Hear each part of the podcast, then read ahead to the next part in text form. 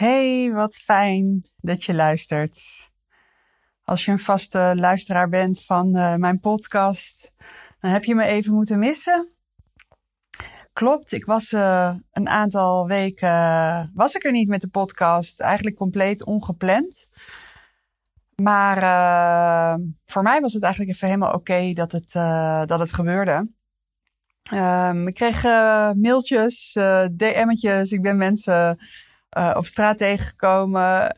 Um, die zeiden van, uh, hey, ik mis je podcast. Gaat het wel goed met je? En uh, ja, dat is wel grappig, hè? Dus dat als je even wat meer buiten beeld bent, dat mensen dan denken, automatisch denken, dat het niet goed met je gaat. En ik denk dat ik die gedachte ook wel eens heb bij iemand die ik dan een tijdje niet gezien heb of waar ik een tijdje niks van heb gehoord. Uh, dat het dan niet goed gaat met iemand. Maar het tegenovergestelde kan ook uh, waar zijn. Dat iemand juist uh, heerlijk gaat en lekker in de flow is. En dat dat de reden is dat je even niet van iemand hoort.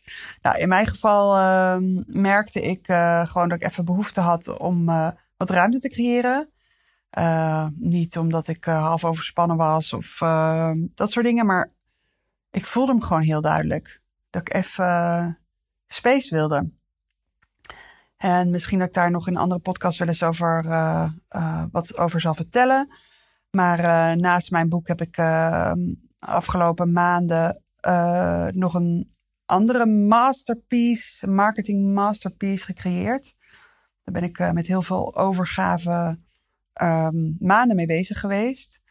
En dat is gelanceerd, dat staat. En dat ja, heel succesvol bleek het te zijn. En toen voelde ik echt even van, oh, uh, en nou even helemaal niks. En um, ja, dat betekent dus ook voor mijn podcast dat ik even geen. Uh, ik voelde me heel erg uh, licht en heel erg in de flow en heel erg verbonden. Um, alleen ik voelde even niet dat ik nog meer wilde gaan creëren. En die toestemming heb ik mezelf gegeven. Gentle, liefdevol, was geen rigoureuze keuze, was dus ook helemaal niet iets bewust, maar iets wat gewoon ontstond. En ik ben best wel van uh, discipline en doorgaan. Dat is een van de redenen dat ik sta waar ik nu sta. Maar ik hou ook van ease. Dus mezelf forceren en dingen op wilskracht doen. Dat, uh, dat hoofdstuk heb ik uh, al lange tijd geleden achter me gelaten.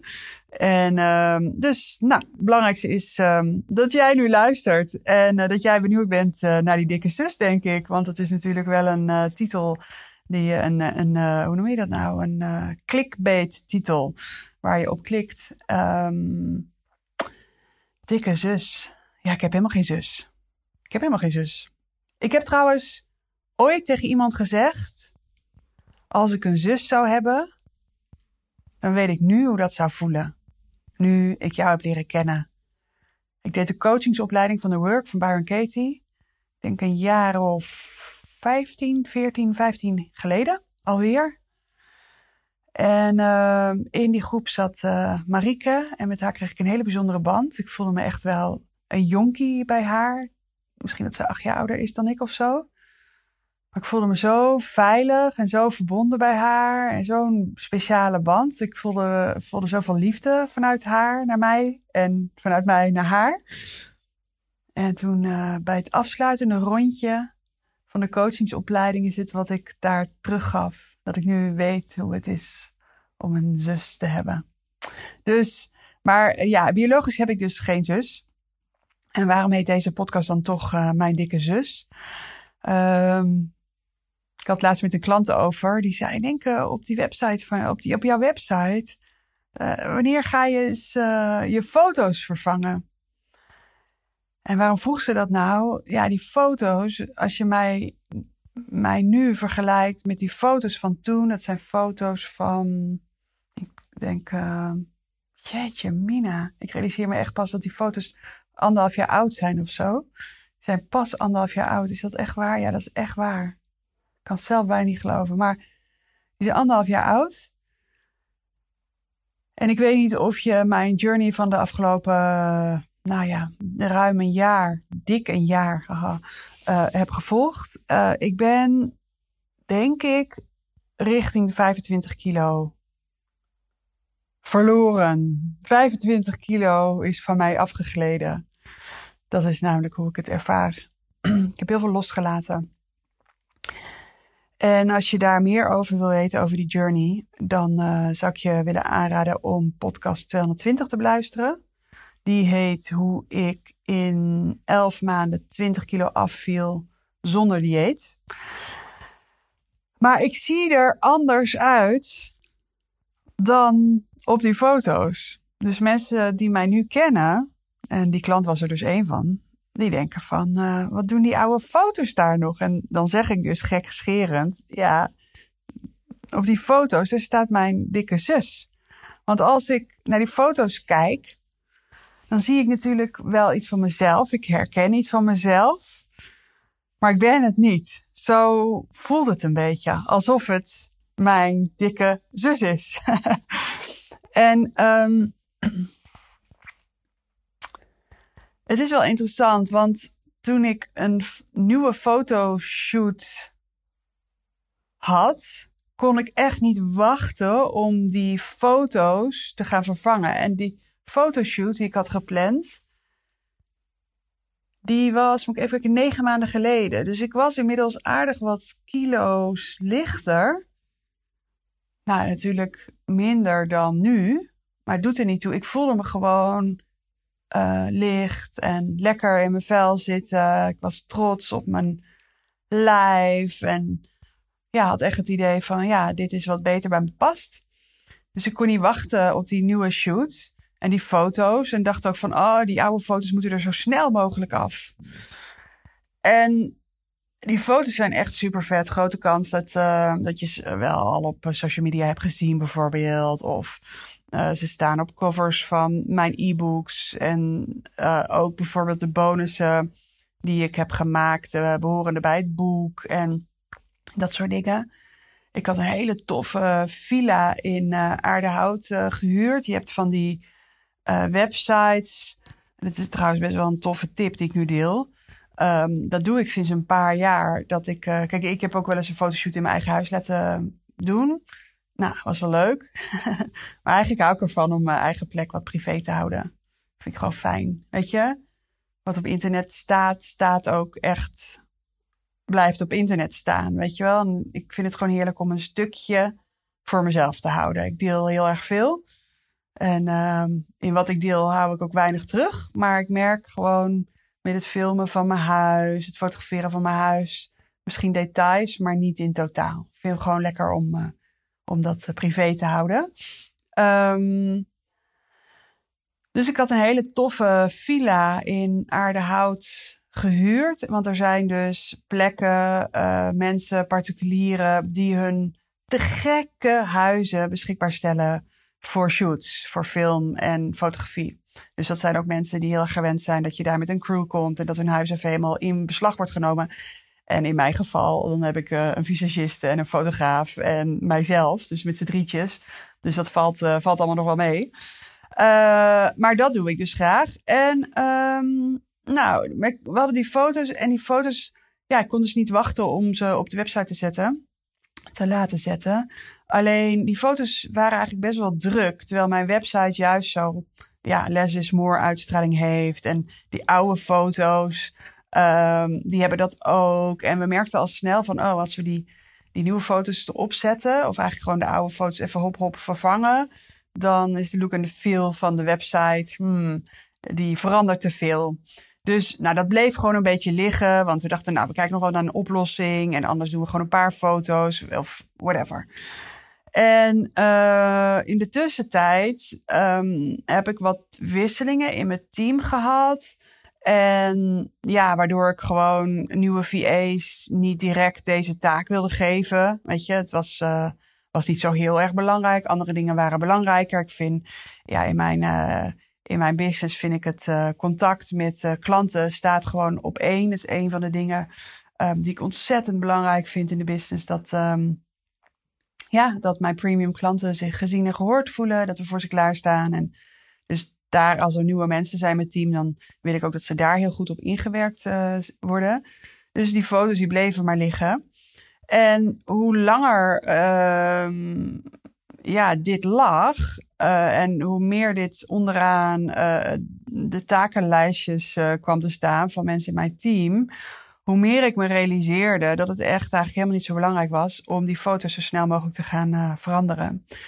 En voor mij is dit proces, zeg maar zo'n fysieke verandering, wat voor mij gewoon heel veel betekent, omdat het niet met dieet is. Um, als je podcast 220 nog niet hebt geluisterd.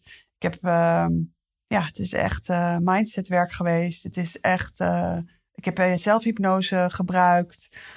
Dus echt het onderbewustzijn heb ik geherprogrammeerd. Ik ben gewoon, ja, ik heb gewoon een nieuw geloof als het gaat over mijn lichaam, mijn gewicht. Uh, met wie, over wie ik ben, over, um, um, over gewicht kwijtraken, over loslaten. Uh, ja, het is gewoon heel erg boeiend. Eigenlijk heb ik het onmogelijk voor mezelf mogelijk gemaakt. Hetgene waarvan mensen vroeger zeiden, bijvoorbeeld artsen, uh, dit gaat je niet lukken, is mijn realiteit geworden zonder wilskracht. Nou, dat betekent gewoon heel veel voor me. Echt zoveel meer dan die 20 of 25 kilo. Zoveel meer. Namelijk de bevestiging dat echt het spoor van ease mijn spoor is. Het spoor van overgave, het spoor van loslaten. Weet je wel? Dus die foto's, als ik op mijn website kijk, dan zie ik wel uh, in eerste instantie zie ik daar iemand dat ik denk, huh? Was ik dat? Jeetje, nog maar anderhalf jaar geleden, weet je wel. Maar wat ik in de tussentijd heb ervaren, is dat als ik goed kijk naar die foto's, en zo vaak kom ik niet op die website hoor, maar als ik dat doe, dan kijk ik met steeds meer compassie en liefde naar die oude versie van mezelf. Dus waar ik in het begin echt dacht van, oh nee, dat moet er zo snel, oh, snel, snel af. Wat een dikke kop, wat een dikke kont, whatever.